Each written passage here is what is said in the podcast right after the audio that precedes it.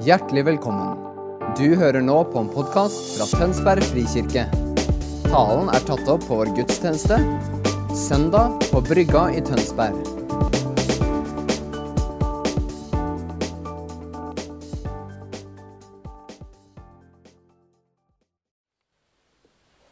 Takk, Hellige Ånd, og takk, Far i himmelen. Takk, Jesus Kristus, fordi du er her. Takk for det du gjør, Herre. Nå ber jeg, Hellige Ånd, kom og vis oss Jesus, så vi kan se Gud og leve evig. Amen.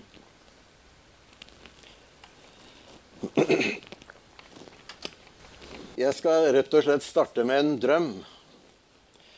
En drøm som jeg hadde for 14 dager siden. Eh, jeg forteller den fordi det handler om noe av det jeg skal si, som jeg håper dere oppdager etter hvert. Drømmen starta altså sånn at eh, jeg var og Plutselig så var jeg og skulle tale i, på Kongsberg bedehus. Det er egentlig mitt åndelige hjem fra, fra barne og ungdom oppover. Eh, jeg skulle tale der, og der har jeg talt for, eh, for, veldig mange år siden også. Men så var jeg da i denne drømmen, og så, så kom jeg opp på talerstolen. Og merka fort med en gang at jeg hadde ikke med noe manus. Det var bare en sånn gammel, tynn uh, ringperm som jeg ikke hadde sett før noen gang. Dere veit, i drømmer så har jeg litt for å bli noe trøbbel. Men jeg kjente meg fri.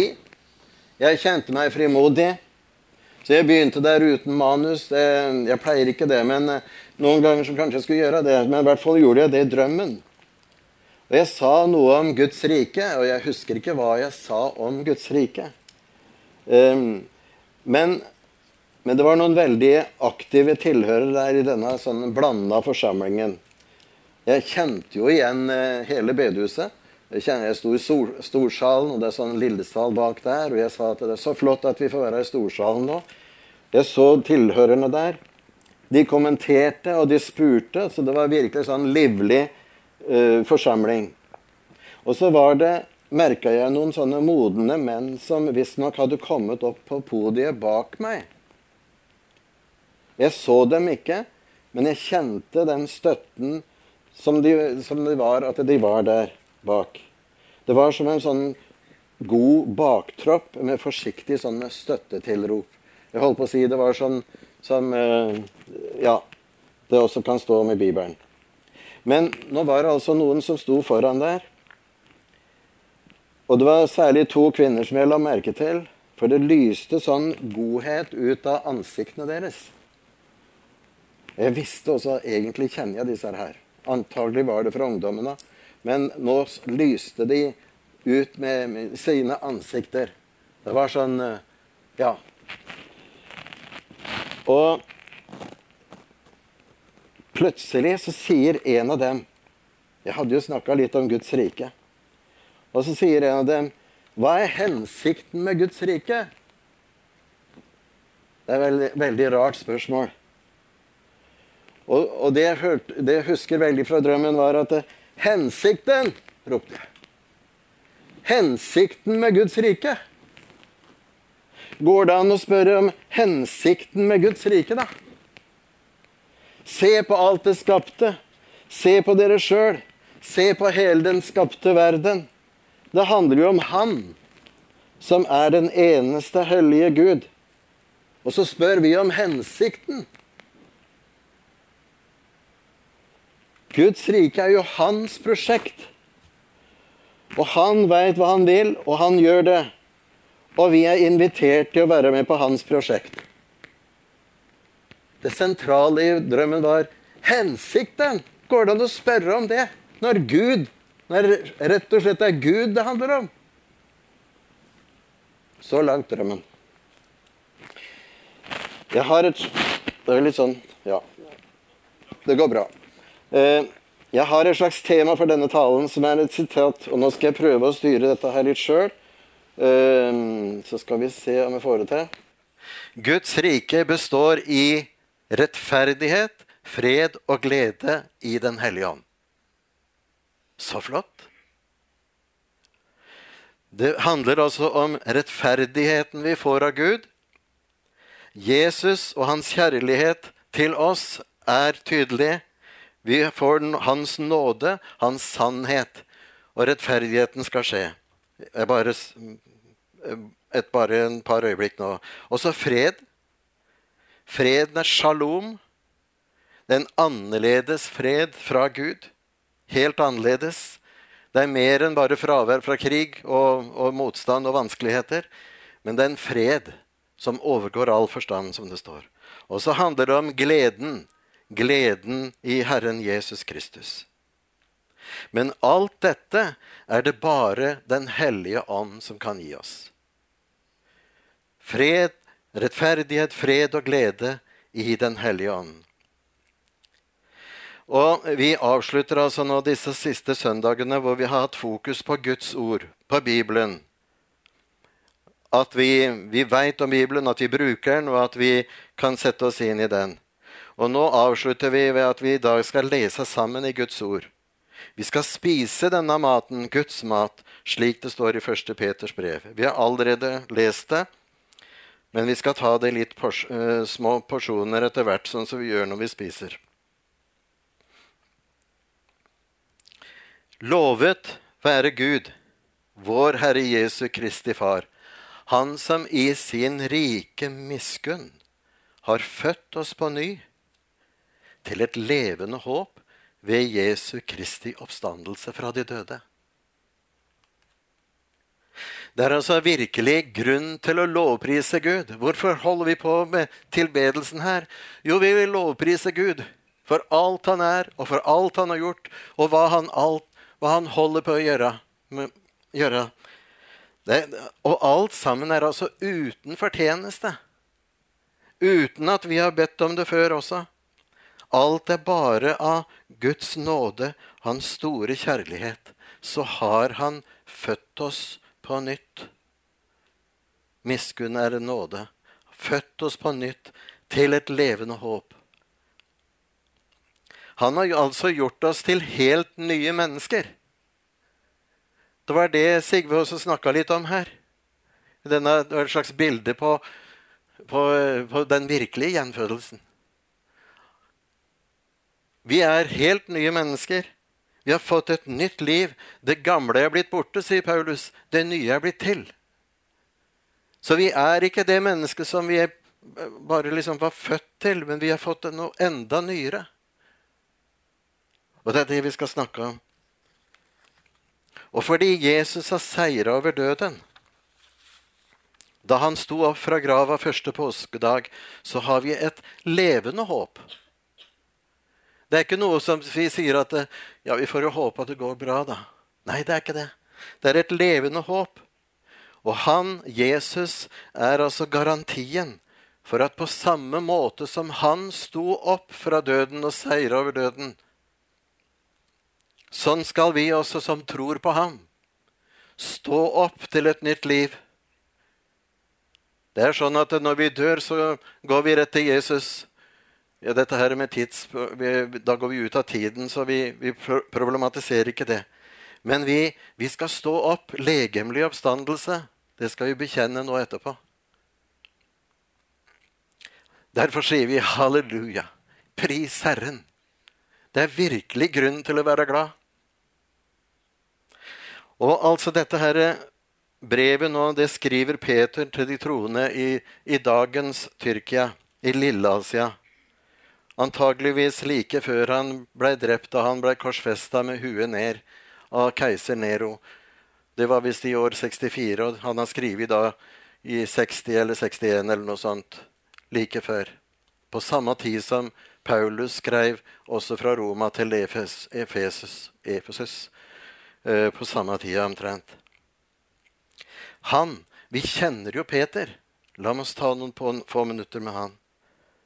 Det var jo han fiskeren, den enkle mannen som de kalte han, fiskeren fra Galilea, som var Jesu disippel, en av de i tre år. Og det var han som utafor Cesarea Filippi, når Jesus spurte hvem sier dere at jeg er, Så går jo han fram, han er frimodig og sier, 'Du er Messias, den levende Guds sønn.' Og vi tror og vi vet at du er Guds hellige. Og da sier Jesus til ham, 'Du er Peter, og på denne klippen vil jeg bygge min kirke.' Så det er ikke noen hvem som helst som vi har brev fra nå, og som sier noe viktig. Men han er også den vågale som gikk på sjøen, veit vi.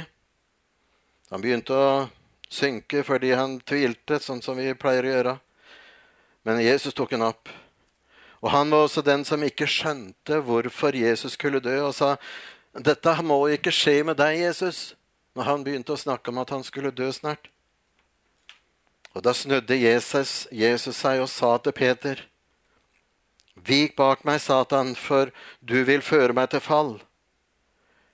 Du har ikke tanke for det som Gud vil, bare for det som mennesket vil. Så plutselig var altså denne nære disippelen en, en tjener for, for, djevelen. Og Sånn kan det være med oss.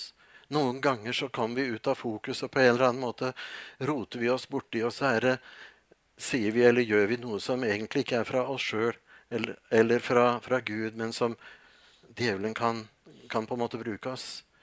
Men det diskvalifiserte han ikke.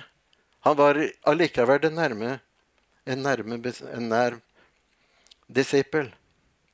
Og, så var det da Peter, Jakob og Johannes, de nærmeste, som sammen med Jesus gikk opp på, på fjellet, husker vi. Og så skriver han om dette i det andre brevet, andre Peters brev i kapittel 1. Og nå skal du høre, for dette har med Guds ord å gjøre. For vi fulgte jo ikke klokt uttenkte myter da vi kunngjorde for dere vår Herre Jesu kraft og Hans komme. Nei, vi var øyenvitner. Og vi så Hans guddommelige storhet. For han fikk ære og herlighet av Gud sin far den gangen røsten lød over ham fra det høyeste herlighet. Dette er min sønn, den elskede. I ham har jeg min glede sa Gud om Jesus og til Gud, til Jesus. Og så sier Peter, vi hørte selv denne røsten fra himmelen da vi var sammen med ham på det hellige fjellet. Vi hørte det, vi så han. Og derfor står profetordet så mye fastere enn oss, altså Bibelens ord. Og dette ordet gjør dere rett i å holde fast ved. Og det er derfor vi har vært fokusert på nettopp Guds ord. Hold fast på det, for det er virkelig noe som holder. Så dette brevet er altså skrevet av et øyenvitne. Her er det en med en autoritet. Fra en som veit hva han snakker om. Og det er veldig troverdig og det er veldig trygt og godt for oss så slipper vi å tvile. Er dette sant? Eller er det noe de har funnet på sjøl? Og dette er så viktig for det, det er sjølve grunnlaget for vår tro. Det er Guds ord som taler til oss. Og derfor så skriver han det aller viktigste først i brevet. Det er akkurat som Paulus pleier også å skrive det viktigste først. Det er som en programerklæring. Skal jeg få, Nå skal jeg ha det opp igjen. Ja, hva slags håp er det vi har, da? Hva slags levende håp er det vi har? Skal vi se Til en arv som aldri forgår. Aldri forgår. Aldri skitnes til. Og aldri visner. Hørte du? Aldri. Kom og prøv å viske ut. Prøv, kom og skitne til. Prøv å, å, å skyte ned. Men for denne arven, den er gjemt i himmelen for dere. Den som i Guds kraft blir bevart ved tro. Ved tro. Det er det vi holder på å snakke om. Så dere når fram til frelsen. For det er jo det som er målet. Denne arven ligger ferdig til å bli åpenbart ved tidens ende. Alt er klart. Alt er gjort ferdig. Det er som Jesus sier, 'Jeg går og gjør klart i stand rom for dere.' Og det er rom for alle. Alle skal være med som vil bli med, som tror. Dette skal være sterkt. Det, skal være, det skal være noe som står fast. Det står veldig mye om det levende håp i Bibelen, ikke minst i Hebrebrevet. Der står det at håpet er som et anker for sjelen.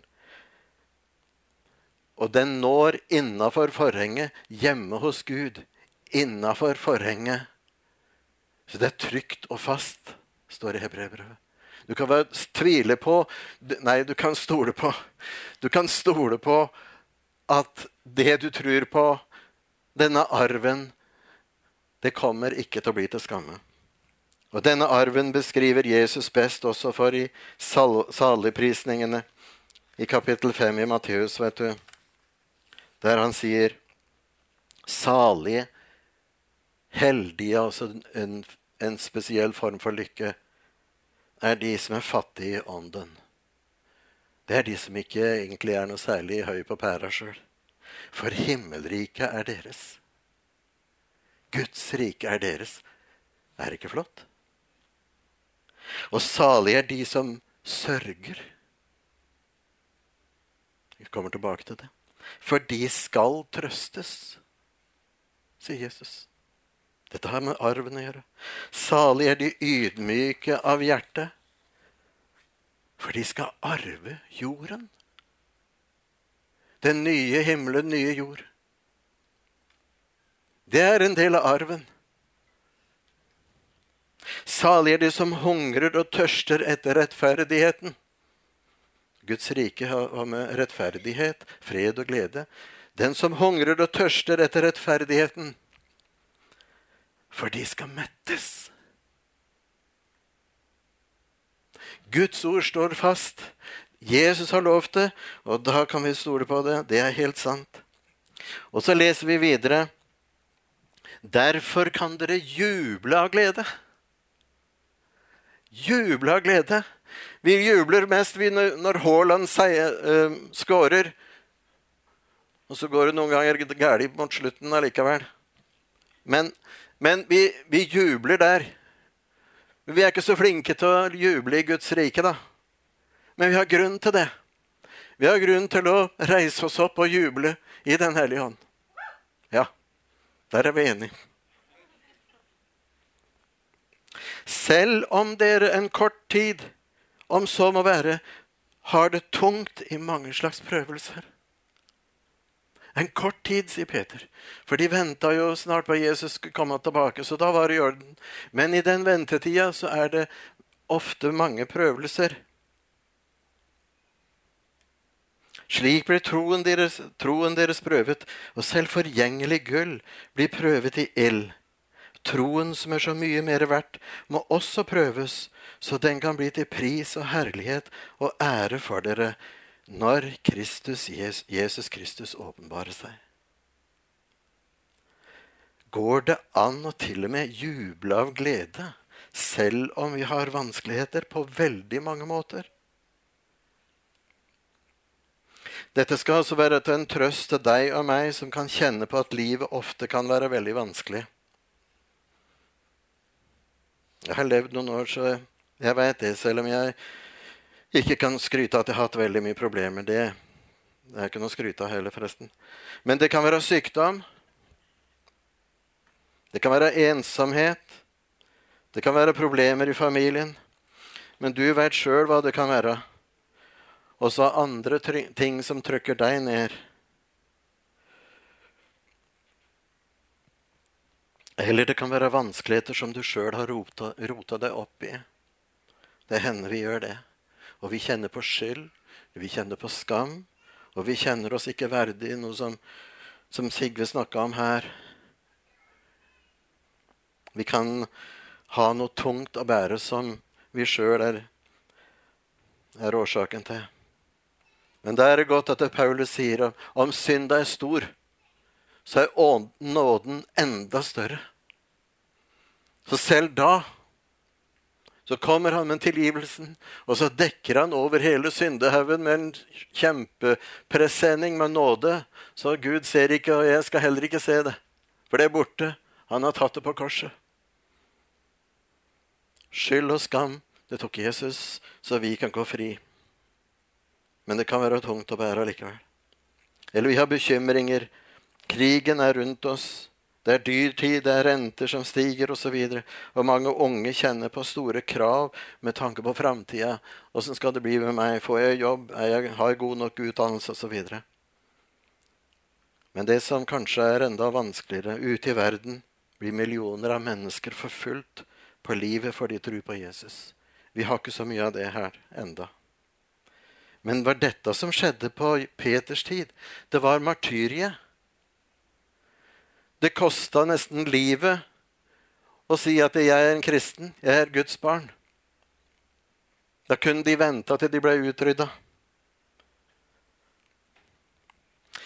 Går det an å kjenne på en dyp glede midt i alle slags prøvelser? Ja, vi tror det. For Romerne 8 står også Guds kjærlighet, det holder oss fast trengsel, angst, lidelse, fare og sverd osv. Guds kjærlighet står fast. Vi skal se på nå tre bibelavsnitt som gir en invitasjon til hvordan dette kan være mulig. Morten har snakka om eh, Jesaja 55 litt lenger ut. Nå skal vi ta bare de tre første versene fort. Hvor eh, altså profeten sier på Guds vegne Det er egentlig Gud som står bak, som sier, 'Kom, alle tørste. Tørst, var ikke det? Kom til vannet. Dere uten penger, altså uten noe fortjeneste å vise til. Kom og kjøp korn og spis. Kom, kjøp uten korn. Ut. Kom, kjøp korn uten penger. Vin og melk uten betaling. Det er det som ligger i ordet nåde. Vi har ikke noe å vise til, men vi får alt dette av gratis. Hvorfor bruker dere penger på det som ikke er brød, og arbeid på det som ikke metter?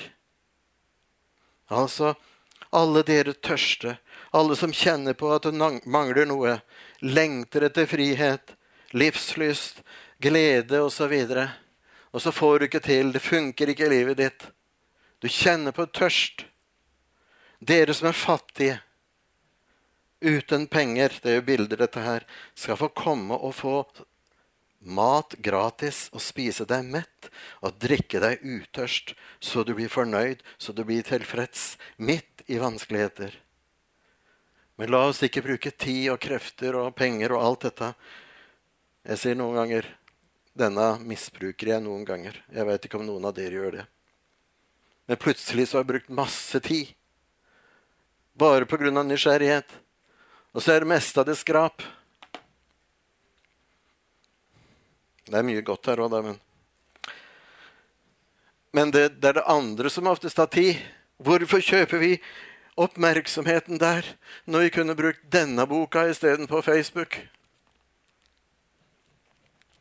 For dette er en slags Facebook med Gud. Vi kan legge ut bilder, og han legger ut bilder tilbake. Jeg skal ikke gå videre på det.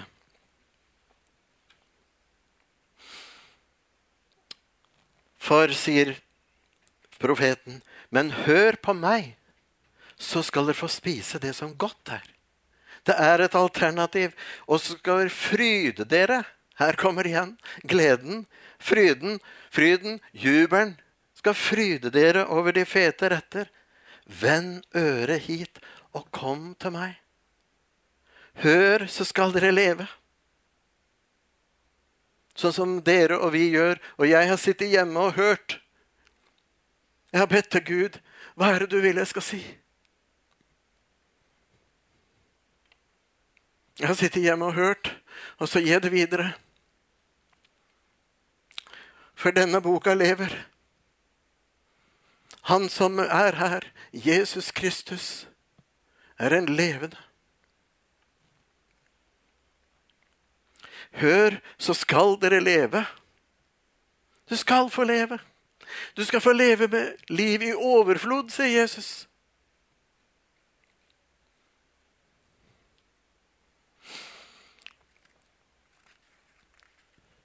Jeg vil slutte en evig pakt med dere. Min godhet mot David står fast. Og det er det Davids løfte og Messias rike, vet du. Davids Messias-rike og Messias har kommet. Jesus Kristus. Kristus er det greske ordet for Messias, som er hebraisk. Jesus Kristus. Det holder fast. Det er liksom som den allmektige roper det ut. Hør på meg, da. Så gir jeg mat som kan mette dine dypeste behov. Han gir deg fete retter som du fryder over. Gud har stadig noe på sin meny for hver og en av oss. Som jeg ikke har sett ennå, som jeg ikke har smakt ennå, som ikke er åpenbart for meg. Og Gud er stadig som gir mer og mer av de fete retter. Det er et bilde på ja, du skjønner? Men det er også dette som Jesus inviterer til, og det er det andre her nå. For profeten profeterte om noe som skulle komme, og som de allerede da i den gamle pakt tok til seg. Bare les Davidssalvene, så merker vi det. Og så er det dette som Jesus inviterer til da han eh, står i Jerusalem på den siste store dagen i høytida, og så han, og så sier han, han roper det ut Den som tørster, skal komme til meg og drikke. Det er jo det samme som profeten sa 500 år før. Og nå står han der, Messias, Davids løfte. Her er jeg kommet, og hvis du tørster, så kom. Kom til meg og drikke. For den som tror på meg, fra hans indre skal det, som Skriften sier, renne elver av levende vann. Renne elver. Strømmer sto det før, men nå er det elver. Det er blitt større. Løftet er blitt enda større og kanskje enda, enda mer riktig ut fra grunnteksten. helt sikkert. Og dette sa han om den om ånden som de, trodde på ham, de som trodde på ham, skulle få. Ser du? Jesus snakker om den samme tørst etter tilfredsstillelse. Han, han snakker om den lengsel etter noe som kan fylle livet med rettferdighet, med sannhet, med ekte fred, med ekte glede, som varer i alle slags omstendigheter og livssituasjoner så gir Jesus sin hellige ånd som ei elv av levende vann inn i ditt indre, som flyter over med glede og frimodighet. Og du som kjenner dette her, du, du, har kjent det så mange ganger at når Jesus virkelig blir nær ved deg, så, så fylles du av en glede og en fred. Sånn er Gud. Og dette inviterer så Peter til. Nå har vi kommet fra fra Jesus, og så går en 25-30 år, og så skriver Peter det som står i, i kapittel 2.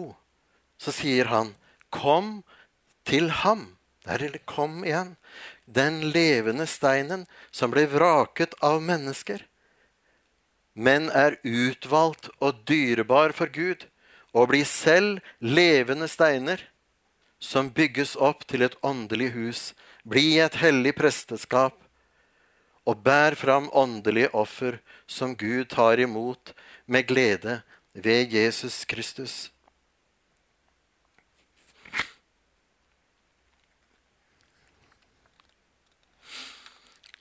Hva hadde det da?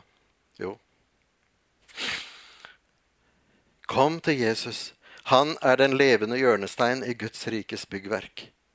Og du sjøl blir en levende byggestein i Guds byggverk. Det er hensikten med Guds rike. Som du spurte om i drømmen. Hva er hensikten, da? Hensikten er at du er plassert som en levende stein. Kanskje en stein, Men det merkelige er at den lever. Der du er plassert, enten hjemme eller menighet eller arbeidsplass eller familie eller hvor, du er en levende stein. Du lever. For se. For Skriften sier, se på Sion. Altså det er Jerusalem, eller det er egentlig evangeliet. På Sion legger jeg en hjørnestein, utvalgt og dyrebar. Den som tror på ham, skal ikke bli til skamme. Du skal ikke bli til skamme. Ham Og så kommer vi tilbake til 1. Peter igjen, i det vi leste her før. Ham elsker dere, enda dere ikke har sett ham. Han tror dere på, enda dere ikke ser ham. Og dere jubler og er fylt av en glede så herlig at den ikke kan rommes i ord, for dere når troens mål, frelse for deres sjeler. Er det mulig å elske den en en ikke ser? Jo, bokstavelig talt så hadde jo ikke de lille Asia sett Jesus, men de hadde hørt om han, og de var kommet til tro. Og så ble de glad i Jesus og elska de han, for de hadde et nært sam samliv med han, akkurat sånn som oss. Vi har heller ikke sett ham fysisk, vi var ikke der for 2000 år siden. Men vi kan stole på det som står, at det er sant. Vi elsker, vi elsker ham fordi han elsker oss, og fordi vi kjenner ham. Men jeg har lyst til å si det er mange som roper på, og som lengter etter åpenbaring fra Gud eller Jesus, eller som mangler sterke erfaringer. Men selv om du gjør det, så kan du kjenne en veldig glede ved å være Guds barn. Ånden gjør Jesus helt nær for deg. Og derfor Derfor så skal vi nå troens mål, hensikten med Guds rike. Og så vil jeg bare mot slutten også fortelle en, en liten opplevelse jeg hadde før vi ser det siste bibelverset.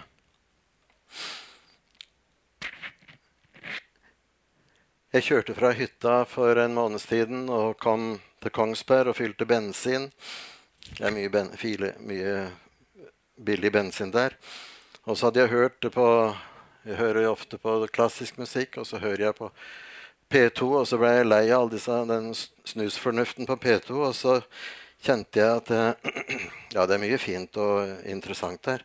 Det er ikke det. Men jeg ville ha noe annet, og så satte jeg på CD-en den som har jeg hatt i bilen i 20 år, for den er 20 år gammel, den 'Worship' av Michael Smith. Satte jeg på den, og så begynte jeg å kjøre fra Kongsberg, og det er ca. en time hjem.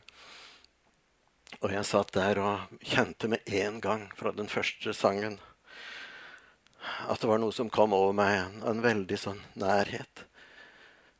Jeg begynte å gråte omtrent med en gang. Og så alle disse sangene som jeg egentlig hadde hørt mange ganger og fått tatt i det mest, skjønt det meste av. Jeg er ikke noe god i engelsk, men jeg, fikk, jeg skjønner det meste allikevel. Men nå var det liksom det ble åpenbart. Hver eneste sang. Jeg skjønte hva det var. Og jeg var med. Og jeg gråt. Ja, dere, dere veit at jeg gråter mye, så, men, men, da gråt jeg en hel time. Fordi at eh, jeg kjørte nedover, og så det ene sangen etter den andre så var det litt som sånn Å ja! Det er det! Det er det! Det er det. Og så kom en midt i, vet du, til Above All. Han som, som de drepte, som de, de, de tråkka på som en rose. Han som er overalt, som er større enn alle konger og alt mulig. Jeg kjente ja. Takk, yes. Og så kom jeg til Brief. Jeg har med denne. For jeg tenkte kanskje kunne jeg Ja. Den har betydd mye for meg i 20 år. This is the air I breathe. Your holy presence living in me. Den hellige nærvær lever i meg. This is my daily bread. Det er min daglige brød. Your very word spoken to me. Og jeg oversetter det sånn. Hvert eneste ord taler til meg. Det er ikke det det heter, men for jeg oversetter det sånn. Hvert eneste ord taler til meg. Guds ord. Og det blir, det blir stadig noe nytt. I'm desperate for you. Jeg sier ikke desperat, men jeg lengter etter deg. I'm lost without you. Jeg er fortapt uten deg. Jeg kan ikke la være. Det, som, det er mitt pust. Det er mitt daglige brød. Og så gikk jeg videre, og så fikk jeg Let it rain. Open the floodgates of heaven. Let it rain. Vi ba om det på, på bønnemøtet i formiddag. I nettopp. La det regne. La det regne av Guds nåde. La det regne av Guds rike innover alle, over alle. Åpne disse flodportene i himmelen. Kom med en gjennomgripende vekkelse. Jeg tror gråten jeg opplevde, var uttrykk for flere ting. Sikkert både sorg, lengsel, tørst etter Gud, særlig på den blir. Erfaring av, mer erfaring av Guds nærvær som en slags elv av tårer eller en hellig ånd i mitt indre. Som et intimt samvær med Jesus, som, jeg, som elsker meg, og som jeg elsker. Og som et kall om å søke Guds rike først. Jesus kommer snart tilbake. Vi har et kall om å formidle til folk. Kom og tro på Jesus og få evig liv. Og Om du er her som du er usikker på om du egentlig har gitt ditt liv til Jesus og tro på han, så kom. Vi skal snart be for hverandre. Så mine tårer var fylt av en jublende glede, så herlig at han ikke kunne rommes i ord.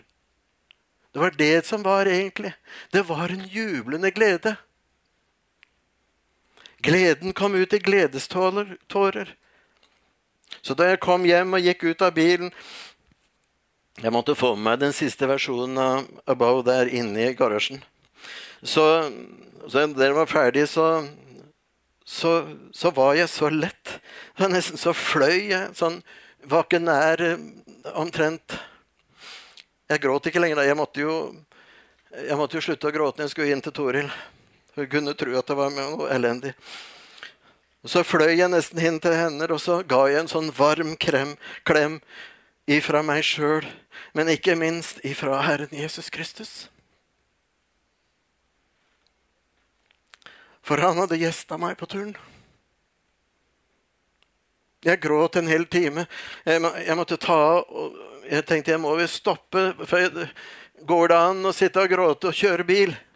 Nå kan jeg den veien i blinde, men, men jeg kan ikke kjøre i blinde. Men, men det gikk bra.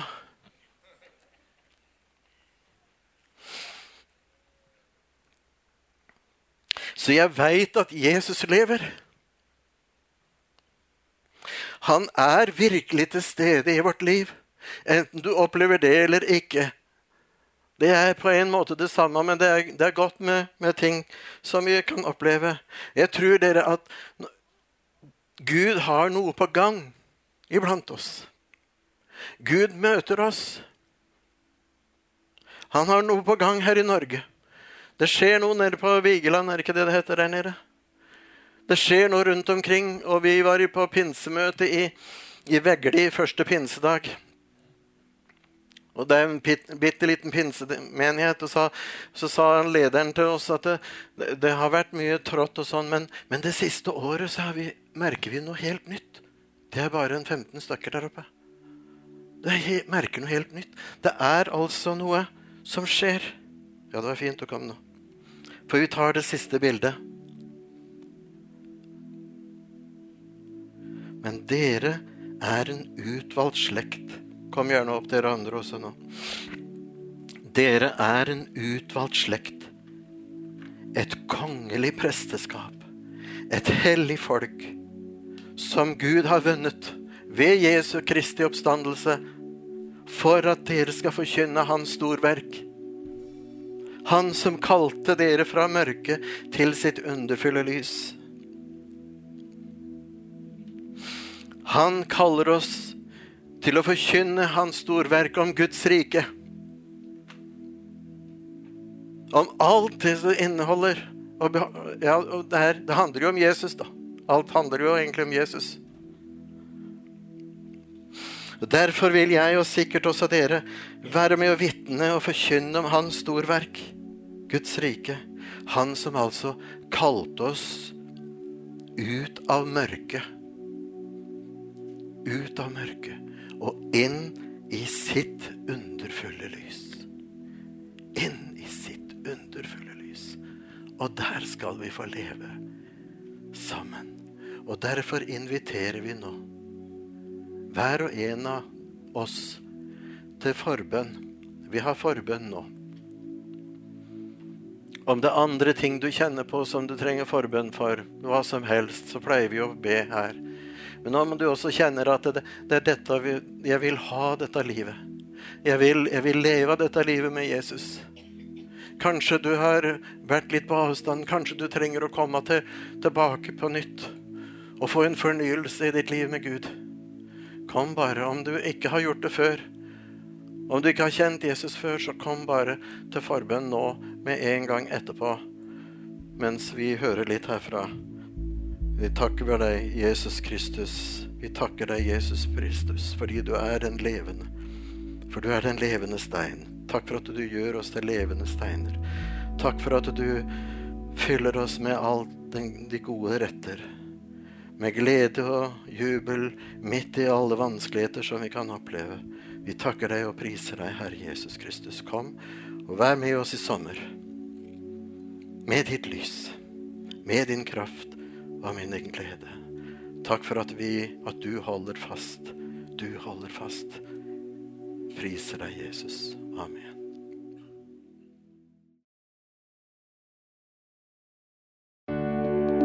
Takk for at du hørte på vår podkast. Har du spørsmål eller ønsker du å vite mer? Søk oss på vår nettside tonsbergfrikirke.no. Du er også velkommen til kirke på Brygga i Tønsberg.